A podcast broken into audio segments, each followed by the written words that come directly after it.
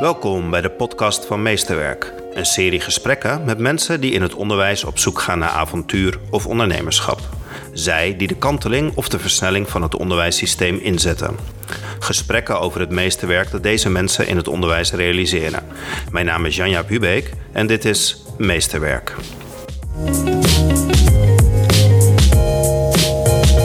Maar ik denk wel dat er betere leerkrachten worden afgeleverd op het moment dat ze met kunst bezig zijn. Dat, daar geloof ik wel echt in. Jeroen, welkom bij Sarah en bij mij in deze podcast. Vertel, wat drijft jou? Ja, nou, dat is een hele makkelijke vraag om mee te beginnen.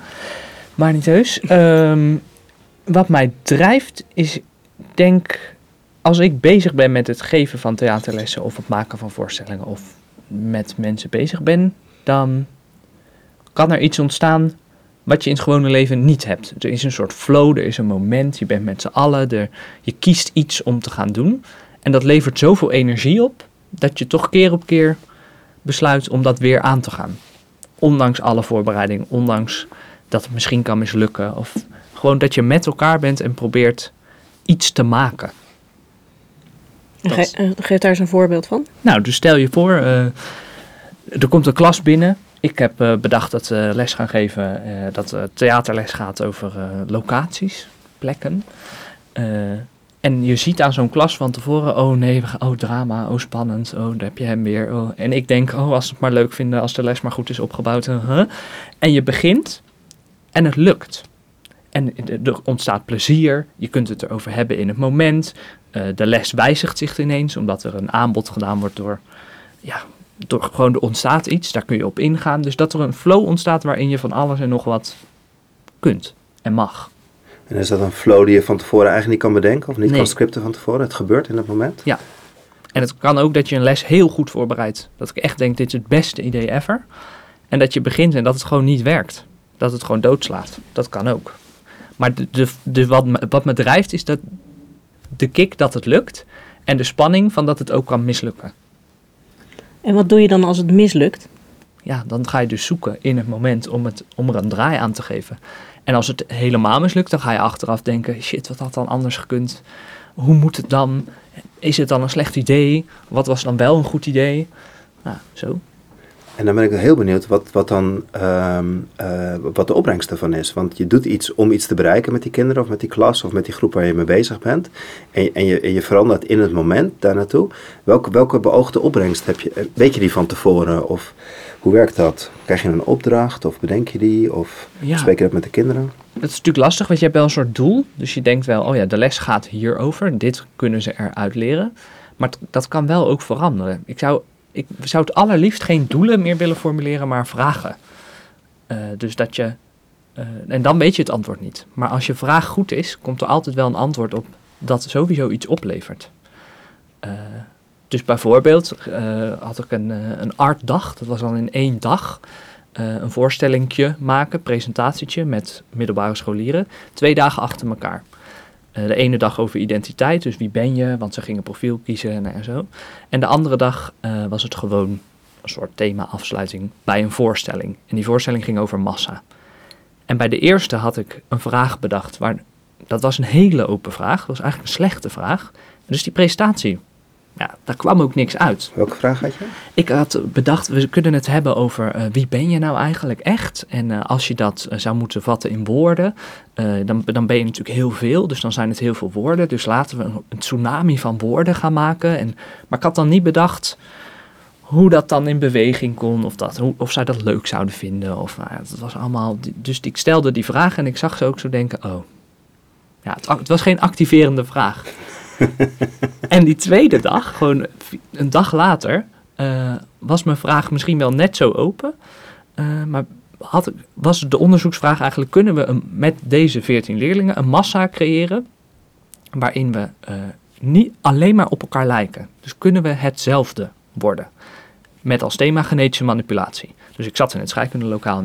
En die middag was fantastisch. Het was een hele leuke presentatie. We waren helemaal aan. Ze gingen helemaal. Oh, mee. Dus ja, twee dagen een soort dezelfde vorm. Maar doordat de vraag niet goed is, krijg je dus ook geen goed antwoord in de eerste dag. En de tweede dag stel je een vraag die activeert. waar mensen zich iets bij kunnen voorstellen.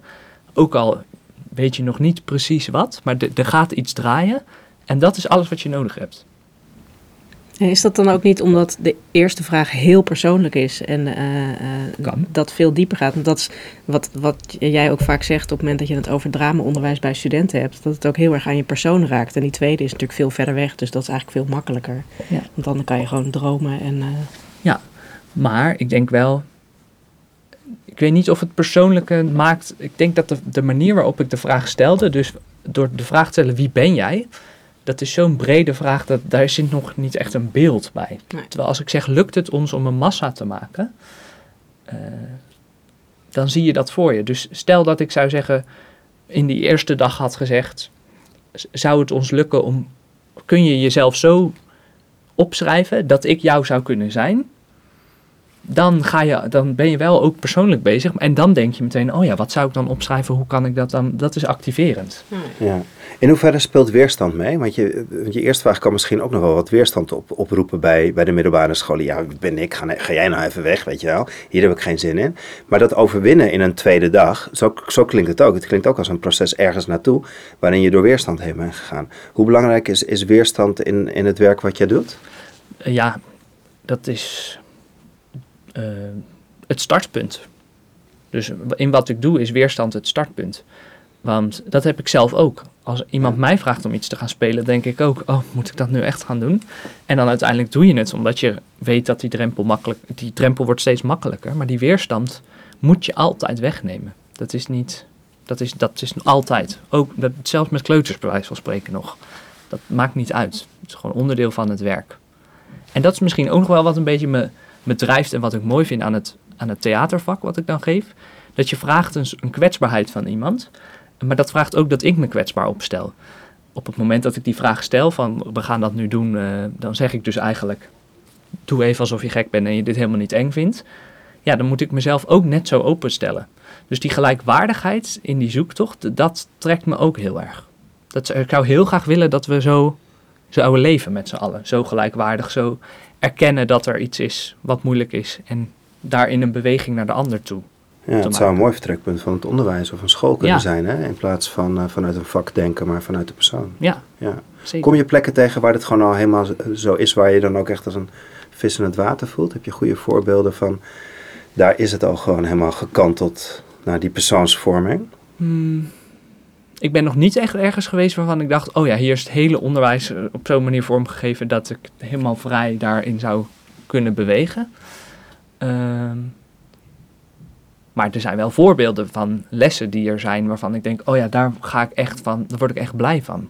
Dus op het moment dat vakinhouden op elkaar gaan reageren, dus taaltheaterlessen bijvoorbeeld, of ja, dan denk ik: oh ja, dat vind ik zo. Dat heeft bij mij zoveel opgeleverd om als docent om ook te kijken naar wat er dan in taal is, wat ik ook in theater kan doen. Uh, dat ik denk, ja, dat, dat zou overal zo kunnen. Moeten zijn. Ja, moeten zijn, ja. Wat, me, wat ik lastig vind, is, je hebt het over lessen. Dus het, het komt op mij klein over. Dus ik kom een les geven of ik geef een lesje. Terwijl ik denk, je bent met iets groters bezig dan alleen maar een les. Is het het woord les omdat we nou eenmaal in het onderwijs het woord les gebruiken?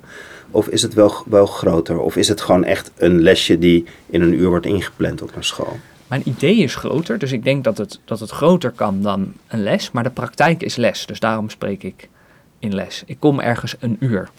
Of ik kom ergens ja, drie dagen en niet volledig. Dus daarom is het klein gemaakt, denk ik. Maar ik geloof absoluut uh, dat het een groter iets is dan die ene les.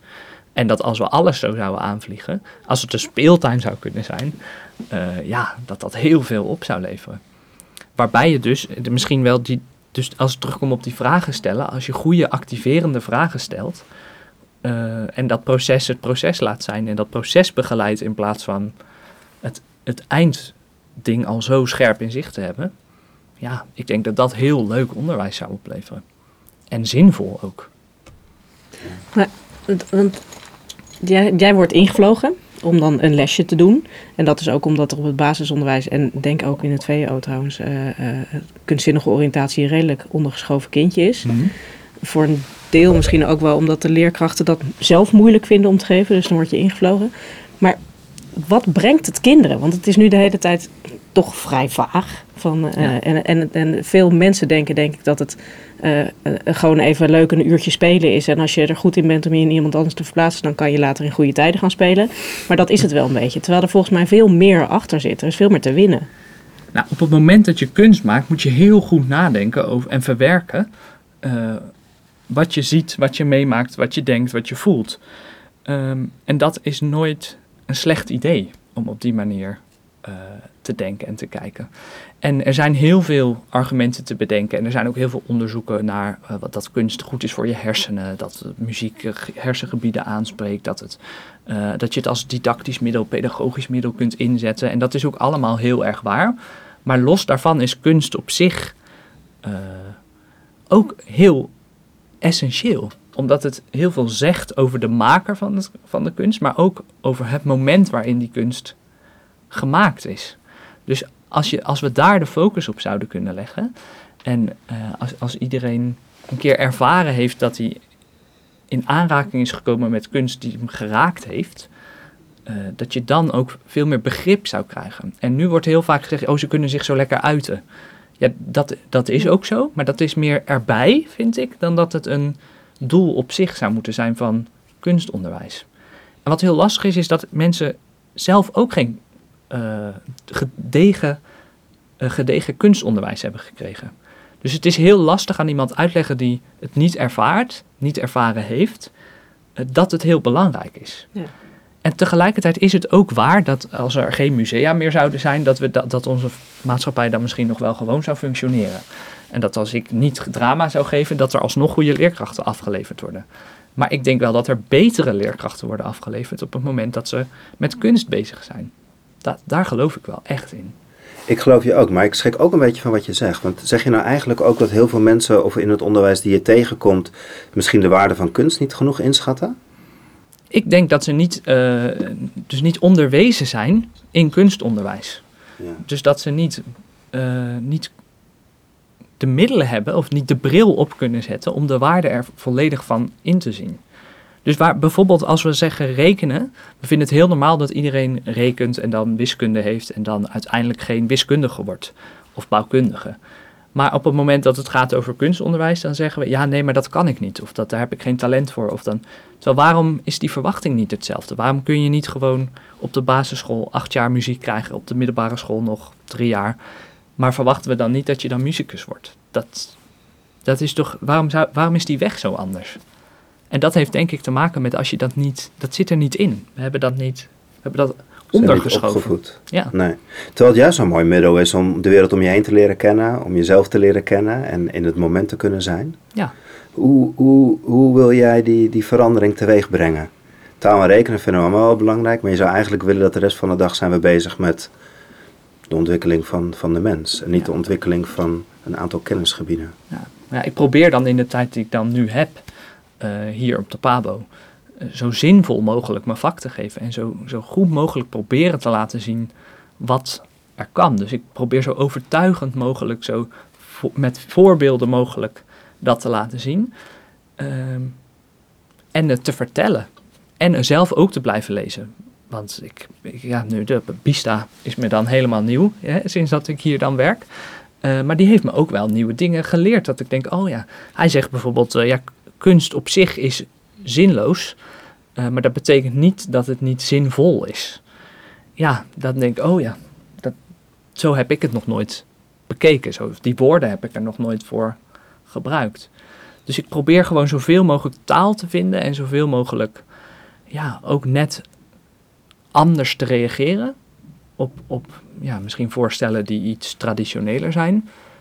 Eh, en zo te zorgen dat het ja, ingebed wordt. Maar je merkt gewoon dat je studenten binnenkrijgt eh, die, eh, ja, die het gewoon niet gehad hebben. Nee, die niet zo niet gesocialiseerd zijn. zeg maar. Nee, ja, dus nee. de- waar je met rekenen begint, Ja. dat je mag verwachten dat er een basis is, hebben Ja. wij heel vaak studenten voor ons die nog niks van niks weten. Ja. En toch moeten we in dezelfde tijd proberen om daar ja, zoveel mogelijk in te... En dat lukt niet altijd.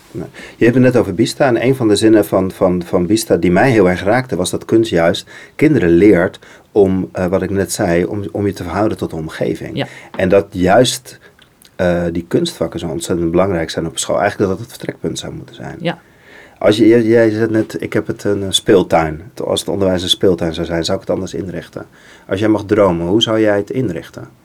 Ja, ik zou echt, wat me fantastisch lijkt, eh, dat idee spookt nu al een tijdje door mijn hoofd, eh, is dat je, dat je één kunstenaar centraal stelt.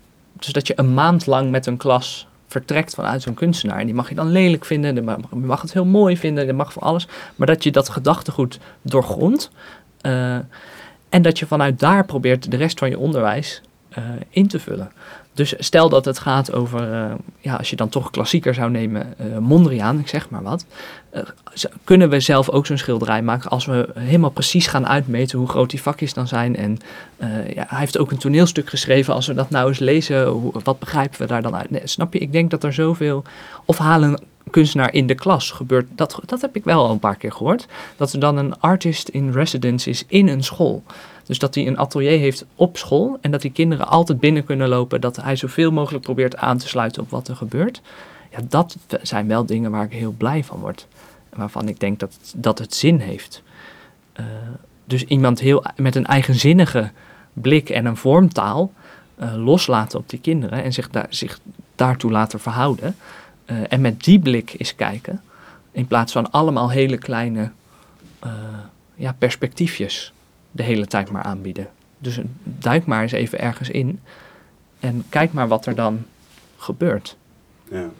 En Zou een kunstenaar dan ook breder getrokken kunnen worden dan alleen maar schilders? Of, eh, Ja. Want volgens mij is heel veel mensen roepen: ja, ik ben niet creatief, want ik kan niet tekenen. Maar volgens mij is creativiteit veel breder. Op het moment Ja, dat je ja. gave boeken kan schrijven of eh, eh, wiskundige formules kan bedenken om, die anderen niet kunnen bedenken, Zeker. dan ben je ook super creatief. Absoluut. En volgens mij is dat het bredere perspectief waar je ook een beetje naar op zoek bent. Dat je jezelf gaat zoeken. Ja, nodig maar een vlogger uit. Ja. Die, die creatief gemaakte vlog, eh, vlogs maakt. Ja, kijk, uiteindelijk gaat het erom dat je op, op een bepaalde manier gaat denken. Dat, je, dat is zo'n eh, zo'n voorbeeld van een paperclip. Als je dan eh, aan een volwassene een paperclip geeft en je zegt, wat kan hier nog meer mee? Dan komen ze tot acht ideeën, geloof ik. Nu ga ik wel iets gevaar. Ik weet niet precies de theorie. Eh, De theorie is volgens mij dat, dat, dat ze een onderzoek hebben gedaan naar kleine kinderen tot hun achttiende. Wat kan je met een paperclip? Ja. En dat naarmate je ouder wordt er steeds minder dingen kunnen met een paperclip. En in het begin kunnen ze er vliegtuigen van maken. Ze kunnen er van alles mee. Ja. Honderden toepassingen met een paperclip. En als ze 18 zijn kunnen ze er nog maar één ding mee. Ja. Namelijk papiertjes aan elkaar klippen. Ja. That's it. Precies. En ik geloof heel erg dat, eh, dat dat komt omdat er opgehouden wordt met dat speels onderwijzen van wat je met zo'n paperclip kunt doen. Natuurlijk is het zo dat we als volwassenen minder mogelijkheden zien dan kinderen. Maar op het moment dat je je eh, dat actief maakt in die hersenen wat er dan gebeurt en dat blijft trainen, dan heb je daar als volwassene ook wat aan. Sterker nog, als we dat allemaal zouden kunnen, al die mogelijkheden blijven zien, eh, dan ben je volgens mij bezig met het bouwen van een maatschappij waarin we elkaar beter begrijpen. Want als dan iemand iets zegt waar je het niet mee eens bent, maar je bent gewend om alles van alle kanten op een andere manier te, te bekijken, zou het dan ook niet beter lukken om die ander te begrijpen? Zonder dat je zegt, je moet het met me eens zijn, maar dat ja, meerdere perspectieven bieden en zien, ja, dat is eh, wel weer een groter... Ja, en eigenlijk zeg je, daar moet je gewoon mee aansluiten. Want op het moment Ja. dat kleuters naar de basisschool gaan, dan staan ze helemaal open voor die ideeën. Ja, En we leren het af door ze aan een tafeltje te zetten, een stoeltje. ja, En jij zegt, ga daarin door. ja. Maak een school. 12-jarig decor. Ja, la- zorg dat je, dat je je bewust wordt van zo'n proces. Dat je dus blijf prikkelende vragen stellen. eh, waarbij niet al helemaal is vastgelegd wat het eindproject moet zijn. Dat, die, dat, er CITO-scores aan vastzitten. Dat, je, ja, dat die druk, ook de druk van de leerkracht afkomt. Want ik snap leerkrachten wel heel goed. Ik snap wel waarom, eh, waarom er nu lesgegeven wordt zoals er nu wordt lesgegeven. Ja. Ik denk, dat, denk ook niet. Ik heb niet de illusie dat als ik nu leerkracht zou worden, dat ik dat dan helemaal achter me zou kunnen laten. Dat begrijp ik ook heel goed. Maar het streven, Hoe doen we dat op school? Want ehm, eh, de laatste tijd heb je veel met het lerarentekort, eh, lees ik veel artikelen over hybride leraren. Kunnen we het niet anders inrichten? Ehm, en aan de andere kant hoor ik leraren zeggen, ja, maar het is mijn klas en ik ben verantwoordelijk voor die klas. Er kan niet zomaar een dramadocent op mijn, want die kan de klas niet aan. Kan jij in jouw ideale speeltuin een beetje eh, die dualiteit schetsen en dan kan je daar een oplossing in bieden. Dat je een school kan vormgeven dat er wel degelijk een leraar is die met taal en rekenen bezig is, maar dat die persoonsvorming op dat theater uh, of op dat podium gewoon ook door kan gaan zonder dat we in, in de paniek schieten van hoe organiseren we dat? Ja, het begint natuurlijk bij dat ik moet erkennen als ik een vakleerkracht ben en ik kom me één keer dat het waar is dat degene die die klas heeft de klas beter kent dan ik. Uh, maar andersom zou diegene ook kunnen erkennen dat uh, een nieuwe blik op een klas ook nieuwe dingen kan opleveren. En moeten we samenwerken. Dus het, ik ben het met ze eens dat het geen zin heeft dat ik een uurtje kom en dat zij dan een uur gaan nakijken. Dat, dat heeft geen zin, want dan ben ik bezig met die persoonsvorming. Als dat dan al gebeurt en binnen die les, in dat uur. Maar krijgt die leerkracht dat dan niet mee. Dus dan blijven zij op een stukje zitten waarin dat helemaal niet door elkaar kan gaan lopen. Dus dat zullen we dan samen moeten doen. Dus in de ideale speeltuin ben je samen bezig met het geven van die lessen. Uh, op zijn minst samen door aanwezigheid, maar het liefst ook samen in inhoud. Dus zou je het samen kunnen voorbereiden. Als ik hoor waar die kinderen mee bezig zijn op dat moment, wat er speelt, kan ik daar goed op uh, op inspelen. Want het gaat over kijken naar wat er nu gebeurt en daar een vorm aan geven. Dus als ik hoor dat zij gefascineerd zijn door lieveheersbeestjes, weet ik veel. Ja, kan ik dan niet iets met kevers? Of kan ik dan niet iets... Ja, snap je? Dan, is er, dan reageer je erop. Of uh, naar de supermarkt gaan, daar kun je een les over geven. Uh, maar bijvoorbeeld in Rotterdam heb je wel uh, 28 verschillende supermarkten. Want je hebt een Turkse supermarkt, je hebt een Poolse supermarkt, je hebt de Albert Heijn, maar je hebt ook de Lidl. Je hebt de... Als je daarover in gesprek gaat en die leerkracht weet waar boodschappen gedaan worden. Als ik dan iets denk, oh ik ga over boodschappen en ik hoor van de leerkracht overschillen, dan kan ik daar iets mee. Dan, dan kan ik het nog zinvoller maken. Dus in de ideale speeltuin uh, zijn we dat samen. Ja, meerdere mensen in een klas. Ja. En je bent daar, ben je er altijd bij?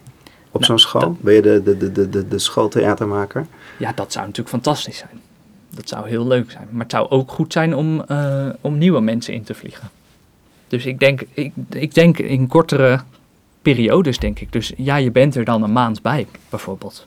En dan in die maand gaan we kijken naar wat er gebeurt en hoe we dat dan uh, ja, op dramatische wijze kunnen aanvliegen. een troubadour die een maand op een school komt en dan weer doorgaat. Ja, en uh, weet je, laat die kinderen ook maar bedenken. Van, uh, dus, dus laat mij maar eens goed uitleggen wat ik denk dat het is.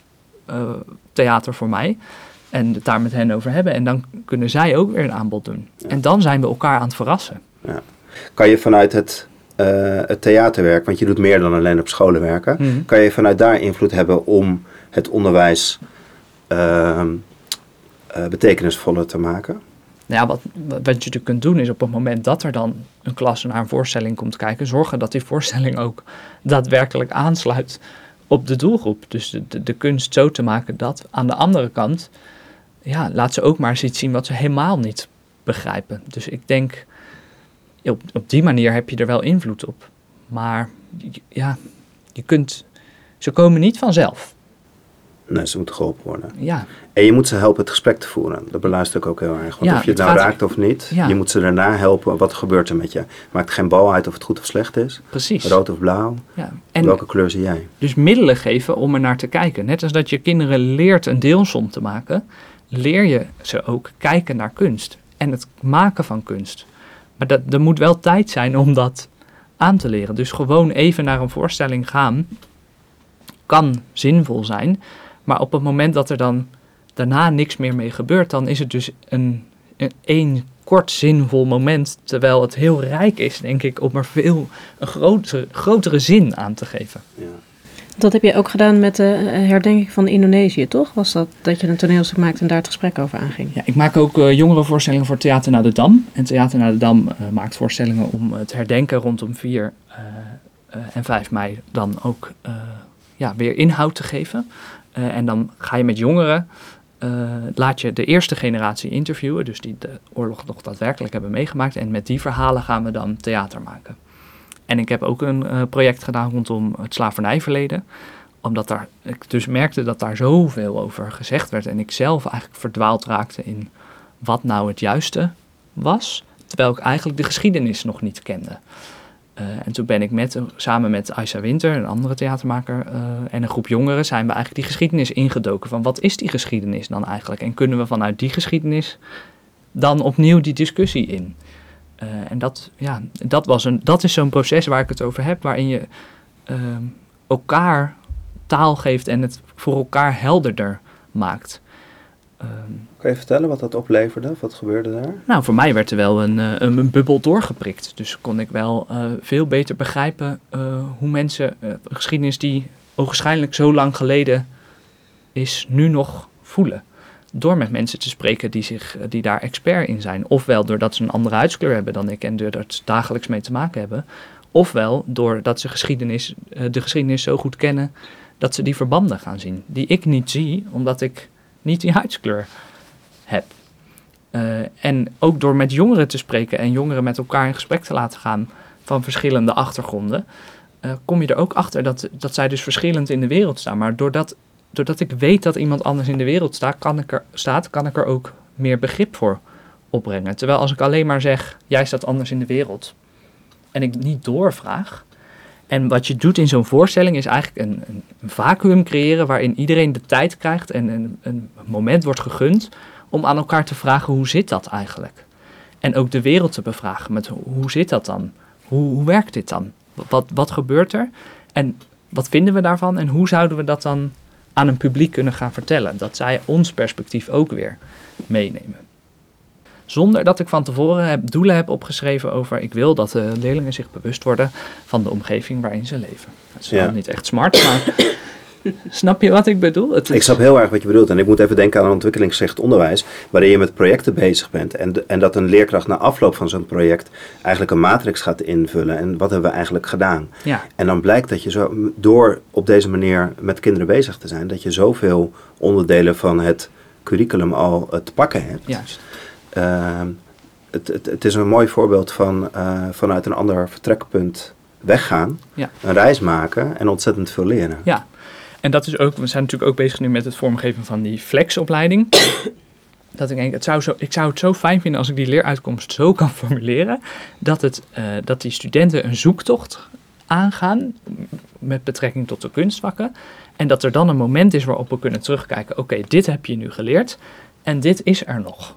Dus dat je ja, eigenlijk door ervaren ook leert en dan vervolgens kun je daar dus op reflecteren en kijken, oh ja, dit, dit zou ik er nog bij kunnen uh, ja. leren. Of, ik denk dat we allemaal geraakt zijn door het verhaal en, en, en, en we voelen wat je net, wat je net vertelt. Uh, wat ik ook hoor van studenten is, dan gaan we naar een school toe en dan ga ik met jouw opdracht aan de slag en dan kom ik een leraar tegen. Ja, leuk joh, die doen. hey, maar die heeft lekker geen klas, hè? we moeten dit en we moeten dat en nou doe maar lekker niet, uh, geef maar gewoon lekker een methodeles. Ja. Hoe trek jij deze studenten uit die traditionele slop en stuur je ze naar de toekomst, naar het vertellen van verhalen of het bouwen van een theaterdecor? Nou, ik denk sowieso moet iedereen moet wat brutaler worden. Dus het is allemaal, mag allemaal wat minder braaf.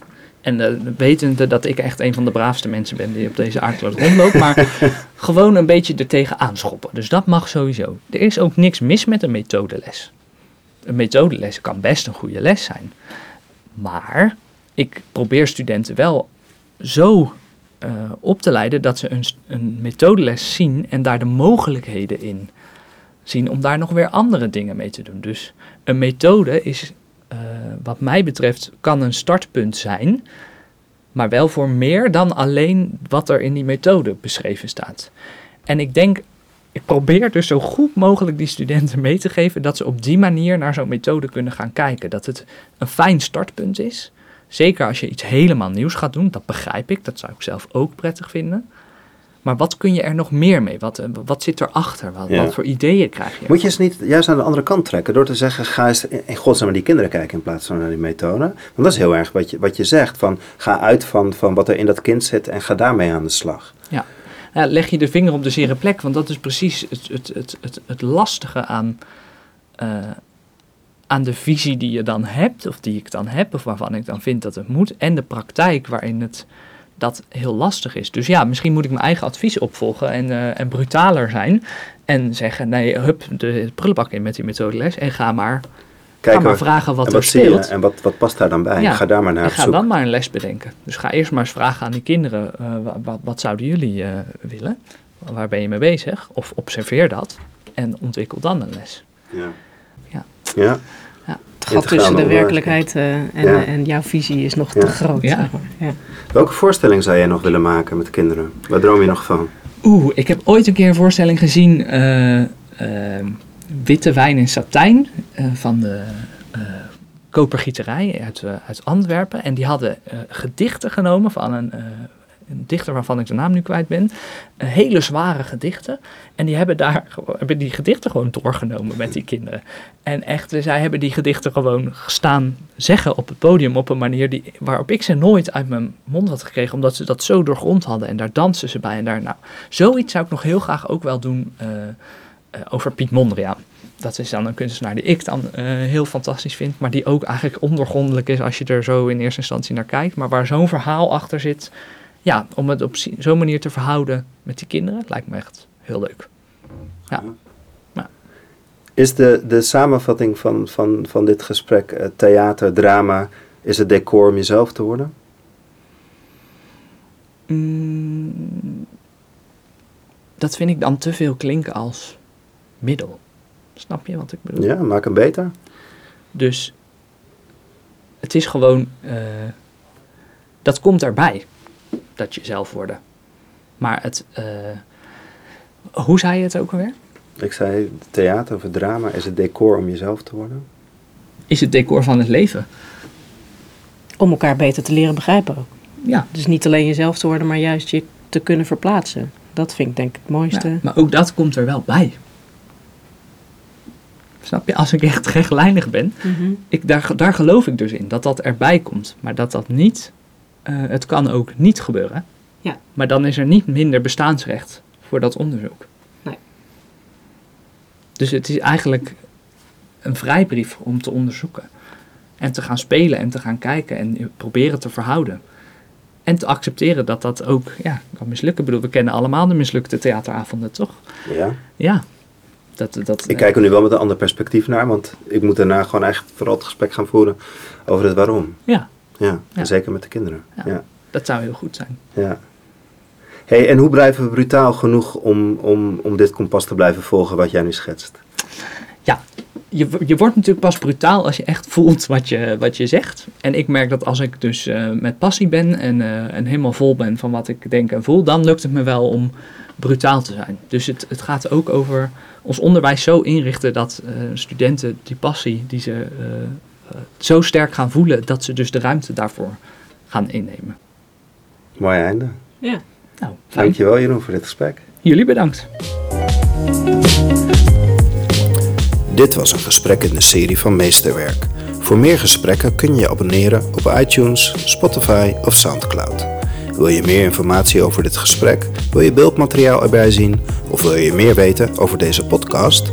Bezoek dan janjaaphubeek.nl Hoe dan ook, ik nodig je graag uit voor het volgende gesprek van Meesterwerk.